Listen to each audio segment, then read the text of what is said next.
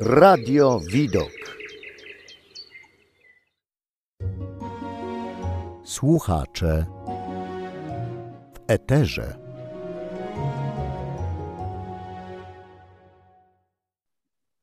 Przed mikrofonem Krzysztof Dziki. Mój dzisiejszy gość pochodzi e, z Suchowoli obok Zamościa, 40 km od granicy z Ukrainą. Zawodowo zajmuje się zarządzaniem zasobami ludzkimi, działa społecznie od wielu lat, a jej głównym celem jest pomoc drugiemu człowiekowi. Organizowała wiele akcji charytatywnych, przede wszystkim dla osób chorych na nowotwory krwi. Społecznie działa dla dobra mieszkańców jej rodzinnej gminy. Moim i Państwa gościem jest Patrycja Zwolan. Dzień dobry, Patrycja. Dzień dobry, witaj Krzysztofie. Patrycjo, sięgam pamięcią do naszej korespondencji sprzed kilku tygodni, ponieważ mieszkasz niedaleko Zamościa, to zapamiętałem motyw, kiedy opowiadałaś mi, jak amerykańskie myśliwce latały nad twoim terenem. I już wtedy wiedziałaś, że sytuacja za naszą wschodnią granicą będzie krytyczna, więc e, opowiedz o tym, co działo się na samym początku e, w twoich rodzinnych stronach kiedy Polskę obiegła ta informacja o tym, że atak na Ukrainie stał się faktem? Jeżeli chodzi o moje strony, czyli stronę przy, na wschodzie, czyli przy granicy z Ukrainą, e, sytuacja wywołała ogromną dezorientację wśród mieszkańców. Tak naprawdę e, nikt z nas jednak nie spodziewał się tego, że dojdzie do tej wojny, e, że Ukraina zostanie zaatakowana. E, aczkolwiek, e, tak jak wspominałeś wcześniej, kiedy zobaczyłam e, te wojskowe myśliwce, wiedziałam, że już jest coś na rzeczy, że najprawdopodobniej może dojść do ataku na Ukrainę. No i niestety tak się stało. Pamiętam, jak wstałam i rankiem przeczytałam daną informację, że Ukraina została zaatakowana. Powiem szczerze, że sama się przestraszyłam. Myślę, że nie tylko ja, mm, również wszyscy mieszkańcy, którzy mieszkali blisko blisko Ukrainy. E, czym to było spowodowane? Myślę, że tym, e, że bali się, że też do nas to przyjdzie, że prędzej i później i my zostaniemy zaatakowani. Na masową skalę tego dnia ludzie zaczęli wykupywać paliwo. Nie było w ogóle na stacjach benzynowych paliwa. W przygranicznych miejscowościach paliwo nawet zostało zatrzymane dla wojska w razie sytuacji krytycznej. Ludzie zaczęli masowo wykupywać jedzenie ze sklepów E, brakowało podstawowych produktów, e, co naprawdę wprowadzało jeszcze większą panikę i chaos. Nie, nie wiedzieliśmy, jak to się zakończy, nie wiedzieliśmy, jaka będzie sytuacja. Może to się wydać trochę dość kuriozalne, że ludzie tak postępowali, mimo że wojna była na Ukrainie, a nie u nas, że wojna rozpoczęła się na Ukrainie, a nie u nas.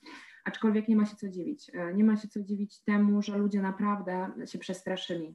Teraz już sytuacja jest opanowana, tak jakby wszystko wróciło do normy, odzyskaliśmy paliwo, E, na stacjach na szczęście e, tego nie brakuje. E, aczkolwiek były to dwa tygodnie, gdzie na wielu stacjach brakowało dostaw. W wielu sklepach brakowało podstawowych produktów, takich jak przykładowo sól, cukier. Więc tutaj sytuacja naprawdę była, była dość przerażająca dla mieszkańców. Na szczęście wszystko się z czasem uspokoiło postanowiłaś czynnie zaangażować się w pomoc, kiedy to wszystko działo się tak blisko Twojego domu. E, powiedz, jakie emocje towarzyszyły Tobie, kiedy podejmowałaś e, taką decyzję? E, powiem szczerze, że kiedy dowiedziałam się o wojnie na Ukrainie, wiedziałam, że chcę coś zrobić, chcę w jakiś sposób pomóc, chcę zrobić coś dla nich, tym bardziej, że wiedziałam, że ta pomoc będzie potrzebna. E, aczkolwiek jestem typem osoby, która nie podejmuje e, decyzji od razu, e, bez konsultowania i bez konkretnego planu.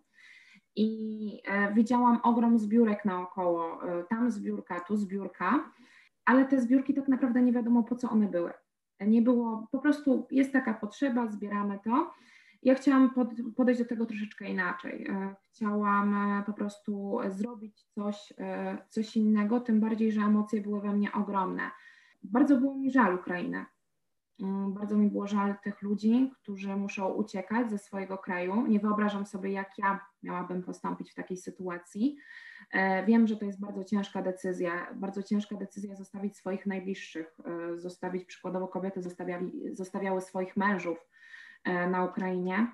I wtedy te emocje e, bardzo we mnie kiełkowały. Bardzo. I, i stwierdziłam, że mm, nie mogę zostać, nie mogę patrzeć na to bezczynnie. E, muszę zacząć po prostu coś robić.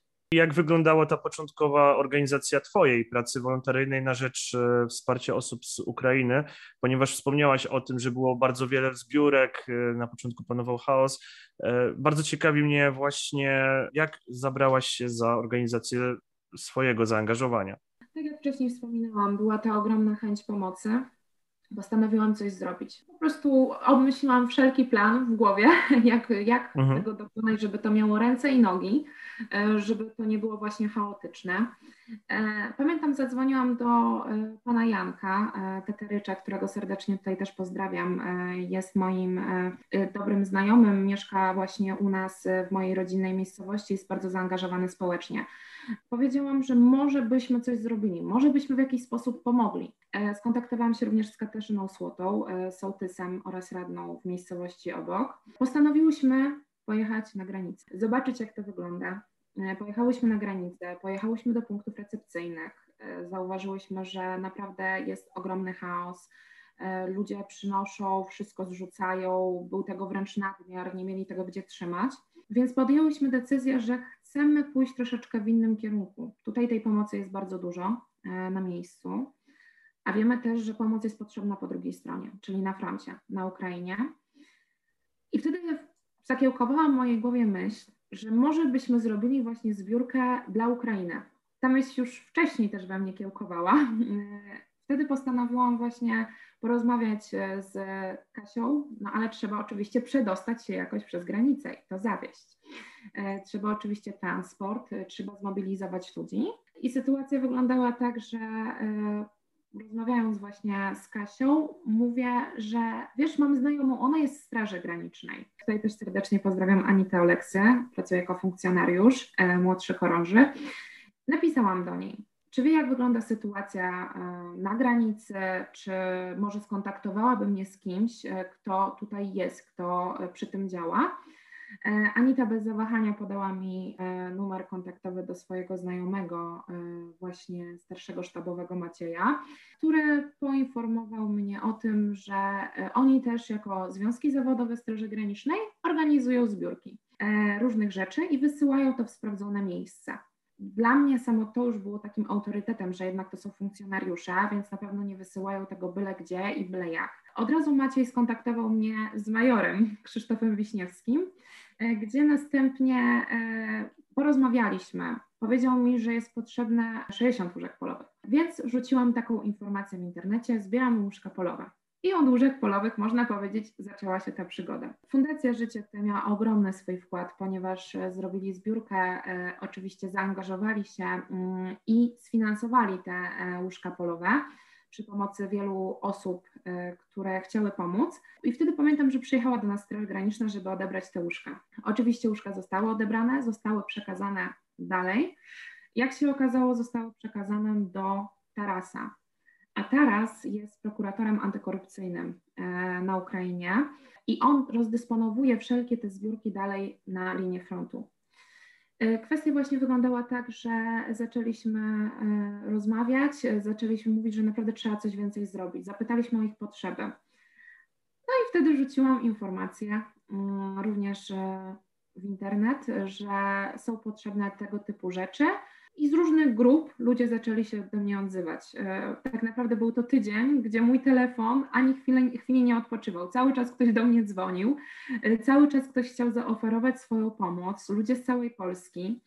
E, zadzwoniły również do mnie dziewczyny, Monika i Karolina z Niemiec które powiedziały: Cześć Patrycja, słuchaj, my w Niemczech organizujemy zbiórkę. Czy byłabyś w stanie przyjąć tira rzeczy aż 10 ton u siebie i przekazać to na Ukrainę. Y, na początku wydawało mi się to bardzo przerażające, ale z czasem udało nam się zorganizować wolontariuszy do, do tego, aby przyszli, aby to rozładowali, abyśmy to wszystko wspólnie e, posegregowali, a następnie właśnie przekazali na Ukrainę. E, więc e, początkowo małymi krokami nie sądziliśmy, że aż tak to się rozrośnie, bo rozrosło się tak, że w tym momencie wysłaliśmy już 13 tirów na Ukrainę, e, które zostały rozdysponowane, którymi właśnie pojechał pan Jan Teterycz i które zostały rozdysponowane na linię frontu, między innymi do Donbasu, do Buczy. Idzie to naprawdę w sprawdzone miejsca. Naprawdę bardzo szeroko zakrojona akcja specjalna i ja jestem pod wrażeniem słuchając tych opowieści, ponieważ no, nie jest to łatwa sprawa zorganizować tak wiele dostaw w tak krótkim czasie, dlatego no, serdecznie pozdrawiamy te wszystkie osoby, które wspierały te akcje, bo to oczywiście zbiórki, ale też e, fizyczna e, pomoc bezpośrednio na granicy, no i też oczywiście Twój w tym udział, jak zarówno e, fundacji. Wspomniałaś o tym, że masz właśnie kontakt z, ze służbą graniczną, z osobami, z żołnierzami właśnie, którzy też przebywają na froncie w Ukrainie.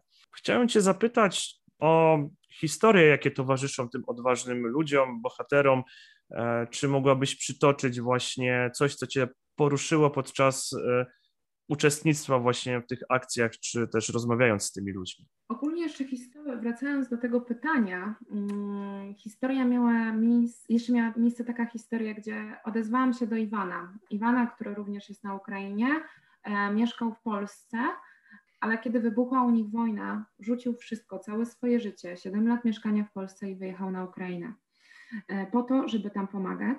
Wcześniej walczył w Donbasie w 2014 roku. Odezwałam się do niego i od niego usłyszałam wiele, wiele ciekawych historii, ale takich historii, które zapierały dech w piersiach, gdzie jeździli e, na miejsca, przykład, przykładowo, gdzie został e, zatrzymany samochód E, wojskowy rosyjski. A tam na pokładzie znajdowali bieliznę damską, która była porozrzucana. Mm, towarzyszyło im wtedy pytanie, czy te kobiety zostały zamordowane, czy te kobiety jednak przeżyły, które były tam zgwałcone najprawdopodobniej.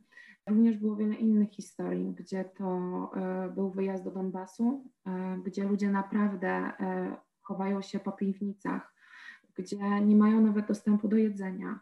Na kupie jest po kilkanaście, kilkadziesiąt osób. Tak naprawdę jakby nie Iwan i osoby, które w ten sposób działają, jak Iwan, jak Taras, to ci ludzie nie mieliby co jeść, nie mieliby co pić, nie mieliby co jeść. E, wręcz z płaczem wychodzili i dziękowali Polakom za to, że jesteśmy, za to, że pomagamy i za to, że, że mogą przeżyć, e, że mają nadzieję na to, że jutro się jeszcze obudzą, bo skoro nie zginął od bomb, to zginął y, od głodu.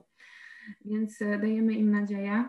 Naprawdę to są bardzo odważni ludzie. Donbas na chwilę obecną jest atakowany, a Iwan, z tego co z nim rozmawiałam w zeszłą sobotę, pojechał tam na miejsce, ryzykując, Iwan jest z winnicy, ryzykując, a dla niego nie jest ważne ryzyko. Dla niego ważne jest to, że pomaga tym ludziom i wie, że ci ludzie, akurat u nich były w tym momencie święta, wie, że ci ludzie będą mieli co jeść, mm, że wywoła uśmiech na twarzach tych osób. Więc e, historii jest bardzo dużo, trudno je wszystkie tutaj przytoczyć, tak naprawdę, ponieważ niektóre tak trafiają do serca, że wręcz ciężko jest o nich mówić. No to zrozumiałe właśnie sytuacja, w jakiej znajdujemy się wszyscy, ma dwie strony medalu, zarówno.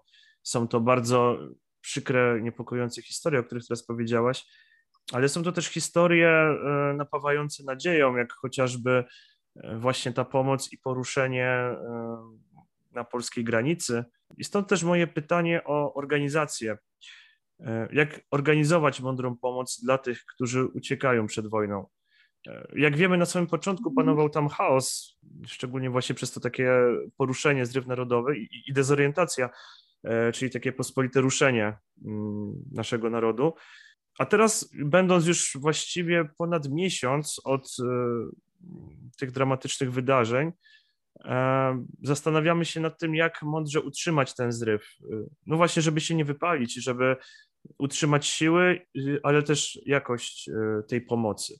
Gdybyś mogła swoim e, doświadczeniem opowiedzieć, jak ty to widzisz. E, tak, na początku na granicach panował ogromny chaos, e, szerzyło się sutenerstwo, gdzie też bardzo ciężko było, było nad tym zapanować. Dodatkowo każdy z nas chciał pomóc, tak? Każdy z nas chciał tam pojechać. Bardzo dużo ludzi przyjeżdżało na granicę, przywoziło przeróżne rzeczy. E, ale doprowadzało to do tego, że wolontariusze, którzy tam byli, mieli dodawaną tak jakby robotę. E, musieli e, tak naprawdę przykładowo segregować ubrania, na dworze, było zimno. Oni musieli te ubrania segregować, e, ponieważ e, ktoś przywoził ubrania na miejsce. Takie, że te, tego typu rzeczy trzeba wozić do punktów recepcyjnych. Nie wolno ich zostawiać na granicy, bo te osoby, które przekraczają naszą granicę, one tak naprawdę trafiają właśnie do punktów recepcyjnych, a następnie trafiają gdzieś dalej. Więc to jest bardzo ważne, aby e, wszystko robić z głową, aby e, wszystko robić przemyślanie, żeby nie jechać z drugiego końca Polski, bo może akurat pomogę. E, czasami tak naprawdę nie zdajemy sobie sprawy, z naszego dobrego serca chcemy pomóc, a nie zdajemy sobie sprawy, że tak naprawdę dodajemy tym wolontariuszom, którzy czasami nawet siedzą tam po 24 godziny i pomagają, dodajemy im pracę. Więc ważne jest to, aby wszystko robić przemyślanie. E, w tym momencie już mniej osób przechodzi przez granicę, e, jest już dużo, dużo spokojniej, ale ludzie nadal potrzebują naszej pomocy. W punktach recepcyjnych nadal jest bardzo dużo osób. Wiem, że jest bardzo ciężko utrzymać mm, ten zryw. To jest bardzo ciężkie, że dochodzi do momentu takiego wypalenia. Dlatego ja zawsze każdemu polecam, każdej osobie, której, która pomaga, żeby chociaż na chwilę odpoczęła, żeby wyłączyła się na dzień, dwa, zajęła się sobą, pomyślała o sobie, a następnie wróciła do tego, co robi. Bo kiedy będziemy y, non-stop 24 godziny na dobę myśleć tylko o tym, e, porzucając swoje życie prywatne, bardzo szybko się wypalimy. E, bardzo szybko tak naprawdę e, przestaniemy chcieć pomagać, jakkolwiek to brzmi, ale tak, będziemy już mieli tego dość, bo każdy ma pokłady, które się z czasem wyczerpują. Jeżeli chodzi o to, co, co można zrobić, żeby się nie wypalić, to przede wszystkim nie poświęcać swojego całego życia tylko i wyłącznie na pomoc. Żeby przede wszystkim e, również zająć się e, swoim życiem, tak jak już wcześniej wspominałam, ale e, również, żeby przemyślanie orientować się, co aktualnie jest potrzebne, żeby właśnie odzywać się do punktów recepcyjnych, żeby rozmawiać z tymi osobami. Myślę, że tutaj to jest taką podstawą, żeby to, to wszystko utrzymać, chociaż nie jest to proste, bo również w tym momencie widzimy, że jest coraz mniej już tak jakby dostaw tych rzeczy, które na przykład zbieramy. Wiemy, że to jest niezbędne, e, ale jest tego coraz mniej. Po prostu ludzie, mm, po prostu już ludzie są zmęczeni tą ciągłą, ciągłą pracą wolontaryjną. Bardzo Ci dziękuję za poruszenie tego tematu, ponieważ no, pokazałaś istotny problem, e, który prowadzi do wypalenia, ale właśnie też dałaś naszym słuchaczom i, i, i też mnie taką cenną radę właśnie, żeby też e, zadbać o siebie, tak? Jest to dość istotne, żeby nie dzielić tego czasu właśnie niewspółmiernie do tego, co e, każdy też e, przeżywa osobiście, bo wiadomo, czas e, dzieli się nie tylko na działania charytatywne, ale każdy z nas ma swoje plany, też marzenia, pracę i bardzo dobrze jest to podkreślić, że wszystko warto proporcjonalnie tutaj poukładać, a wtedy każdy będzie mógł poświęcić chociażby tą godzinę, dwie właśnie na działania, które są też ważne społecznie. Społeczeństwo i, i troska o drugiego człowieka też jest wpisana w naszą naturę po prostu e, i też w jakąś etykę, tak, tak myślę osobiście. A czy podzielasz takie zdanie? Każde działanie powinno być zorganizowane, czyli najpierw plan, potem akcja? Zdecydowanie. To można powiedzieć, że to jest takie moje motto o, się to strzeliłem się tym pytaniem. Świetnie. dokładnie, dokładnie. Wszystko musi być zorganizowane. Zdecydowanie. Musimy mieć najpierw plan, plan, a potem działać. Jeżeli tego nie ma, to wszystko prędzej czy później się rozpadnie. Będziemy mieć problemy logistyczne, e, będziemy mieć problemy z zarządzaniem swoim czasem. Więc tutaj przede wszystkim wszystko powinniśmy sobie na spokojnie przemyśleć, rozpisać, a na pewno nie zniechęcać się, kiedy widzimy, że po rozpisaniu tego wszystkiego, kiedy widzimy, że jednak nie podołam, e, jednak e, to jest za trudne, lepiej w momencie, na samym początku stwierdzić, że ok, nie podołam, jest to trudne, niż w trakcie akcji, którą robimy. Więc tak, pierwsze, pierwsze wszystko organizujemy, dowiadujemy się, wszystko robimy właśnie pod takim nadzorem w naszej głowie, a następnie działamy. To jest podstawą żeby wszystkie akcje e, pomocowe, które robimy, były prawidłowy sposób rozdysponowywane i żeby w prawidłowy sposób nam wychodziły. Świetnie. Również jest to gdzieś tam po mojej linii z racji tego, że w życiu zajmuję się projektami, więc też rozmawiam z kompetentną osobą, ponieważ na co dzień zajmujesz się zarządzaniem i, i działaniami kreatywnymi, więc e, no, twoje zdanie tutaj jest mocnym autorytetem, czyli najpierw zorganizowanie, plan, potem akcja i działanie. Świetnie, cieszę się, że e, gdzieś tam potwierdziłaś też moją linię myślenia w, w tym temacie. E, jeżeli ktoś się z tym nie zgadza, oczywiście zapraszamy do komentowania, wysyłania maili. Wszystkie przeczytamy i odpowiemy przy następnej najbliższej okazji, jeżeli będzie taka możliwość. A do jakich akcji pomocowych chciałabyś zachęcić naszych słuchaczy? E, no, w związku z Ukrainą, ale też może ogólnie możesz tutaj opowiedzieć właśnie też o swoim profilu działania, gdyby ktoś chciał się zaangażować oczywiście. Tak, dokładnie. Przede wszystkim do akcji, jak wcześniej wspomnieliśmy, zorganizowanych i przemyślanych. Bardzo e, zachęcam do, dalej, do dalszej pomocy Ukrainie, do, do pomocy również na linii frontu, do różnych zbiórek, tylko e, apeluję i, i proszę o to, abyście weryfikowali te zbiórki, e, dlatego że bardzo dużo rzeczy, które są wysyłane na, na Ukrainę, pozostają na zachodzie Ukrainy, nie są rozdysponowywane dalej E, więc tutaj też trzeba się upewniać, czy to na pewno, co wysyłamy, typu rzeczy taktyczne, będą przekazywane na front. E, jeżeli nie będą, jeżeli nie wiemy, nie mamy tej pewności, szukajmy miejsca, gdzie wiemy, że to na pewno będzie przekazane. E, jeżeli chodzi o inną pomoc, ja jestem bardzo związana tutaj, tak jak wcześniej wspominałam, z, tak jak wspominałeś, przepraszam, o mnie. W porządku. tak, z akcjami e, odnośnie e, chorób e, krwi, nowotworów. Jest to gdzieś bliskie mojemu sercu, dlatego zachęcam do włączenia się w akcję, zachęcam również tutaj do oddawania, do zapisywania się jako potencjalni dawcy szpiku. Te akcje są bardzo potrzebne, aczkolwiek nie mogę powiedzieć, do której akcji zachęcam, a do której nie zachęcam. Myślę, że dlatego, że każda akcja jest bardzo ważna, E, zdrowie, życie drugiego człowieka, e, to jest tak naprawdę podstawa. Mm, podstawa, e, o którą powinniśmy się troszczyć, która powinna nas wszystkich jednoczyć. Więc jeżeli chodzi o akcję, to jak najbardziej zachęcam mm, do pomocy osobom chorym, ale również do wszelkich innych akcji, które mają miejsce. Tych akcji, które są bliskie sercu słuchaczom. Czyli zachęcamy naszych słuchaczy do aktywnego sprawdzania, e, co dzieje się w ich e, najbliższej okolicy, e, ale też w województwach czy w centralnej Polsce, ponieważ można pomagać lokalnie, globalnie, ogólnopolsko. Patrycjo, na koniec chciałbym zostawić Tobie przestrzeń do mm, wyróżnienia, pozdrowienia osób, organizacji, z którymi działasz, działałaś w ostatnich tygodniach. Występujesz tutaj też troszkę jako taka rzeczniczka e, tych wszystkich e, wspaniałych osób, o których e, Ty wiesz i ja też, to wynikało z naszych wcześniejszych rozmów.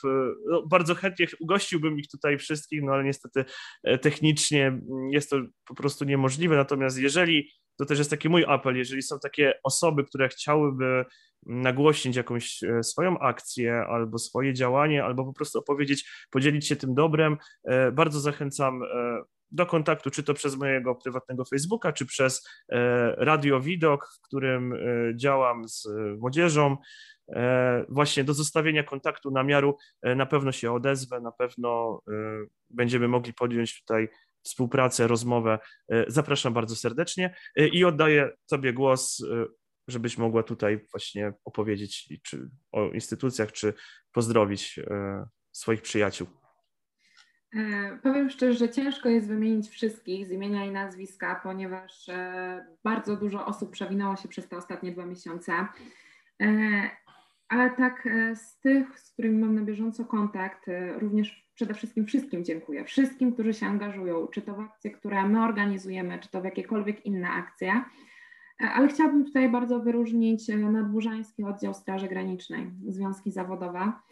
E, tutaj oczywiście chciałabym wymienić wszystkich z imienia i z nazwiska, tych, z którymi mam kontakt, którzy naprawdę zaangażują się w ogromny sposób aby pomagać Ukrainie, co dla mnie to też jest ogromnym, mm, ogromnym autorytetem, ponieważ e, Były historie, że schodząc ze służby potrafili nie iść spać, tylko działać i dalej dla Ukrainy, żeby im pomagać.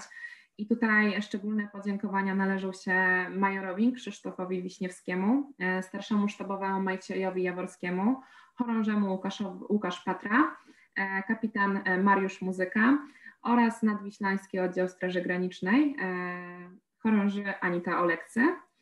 E, też bardzo serdecznie chciałabym podziękować Fundacji Życie z Łodzi, którzy też bardzo są zaangażowani w pomoc Ukrainie. E, dziękuję również firmie Medilab. Mm, tutaj chciałabym z imienia wymienić panią Dorotę Rutkowską i panią Paulinę Zarzycką. Zamojskie Anioły, mm, to jest też fundacja, z którą współpracuję, która działa e, tutaj na naszym regionie. I tutaj e, bardzo serdecznie chciałabym pozdrowić wszystkich. Jest tam bardzo dużo osób, więc na czele wymienię panią Jadwigę Heretę. Dziękuję również Mikołajowi. Mm, Mikołaj Topicha Dolny e, bardzo zaangażował się we wszelką pomoc, którą właśnie prowadzimy. Także bardzo serdecznie dziękuję naszej radnej Katarzynie Słocie oraz naszemu panu radnemu Janowi Teteryczowi, który jeździ na Ukrainę charytatywnie i pomaga, oraz wszelkim wolontariuszom, którzy angażują się w akcje i którzy poświęcali swój czas e, po to, aby nam pomóc. Dołączam się do tych e, pozdrowień i również e, bardzo, bardzo dziękuję za zaangażowanie tych wszystkich osób.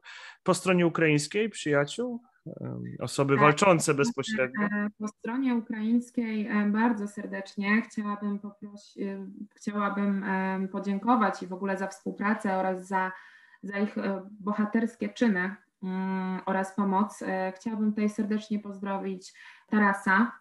Taras jest prokuratorem antykorupcyjnym oraz Iwana. Iwana, Iwan Mateusz. Jego zbiórki też można znaleźć na Facebooku. I na sam koniec udało Ci się właśnie pozyskać sześciominutową wypowiedź właśnie od Tarasa, który ma przekaz e, dla naszych słuchaczy i właśnie odbiorców e, specjalnie dla Radia Widok, gdybyś mogła o tym e, powiedzieć kilka słów i z tym zostawimy naszych słuchaczy na nasz koniec, na sam koniec zachęcamy właśnie do wysłuchania też jego słów. Tak, e, teraz e, jest prokuratorem antykorupcyjnym, z którym współpracujemy od dłuższego czasu, który wszystko rozdysponowuje właśnie na linię frontu. Jest to człowiek o wielkim sercu, o wielkim sercu, wielkim zaangażowaniu oraz człowiek, który naprawdę chce pomagać drugiemu człowiekowi. Więc jak najbardziej zachęcam do wysłuchania. Zachęcam też do zbiórek które organizujemy i które są następnie właśnie dostarczane do tarasa. Gdzie można te zbiórki zobaczyć? E, organizujemy je w Zamościu. Oczywiście można kontaktować się bezpośrednio ze mną. Tutaj poproszę Krzysztofie, żebyś właśnie podał. E, podał oczywiście, kontakt, oczywiście. Żeby, że jeżeli ktoś jest zainteresowany, to jak najbardziej zapraszamy. Zbieramy tak naprawdę z całej Polski, e, więc zachęcamy do pomocy jest wiele potrzebnych rzeczy, tak jak i jedzenie, tak jak i różne taktyczne e, rzeczy, jak i opatrunki. Więc zachęcam, myślę, że teraz coś więcej na ten temat powie. Zachęcam do wysłuchania jego wypowiedzi. Moim i Państwa gościem była Patrycja Zwolan. Bardzo Ci dziękuję za tą e, świetną rozmowę, to spotkanie i w ogóle taką energię, którą dałaś mi i myślę, że naszym słuchaczom. Bardzo Ci dziękuję. Dziękuję serdecznie. Pozdrawiam wszystkich słuchaczy. Żegna się z Państwem Krzysztof Dziki, a jeszcze zostawiamy Was e, z Tarasem z Ukrainy. Dobrego wieczoru, dnia. Pozdrawiamy. Słuchacze w eterze.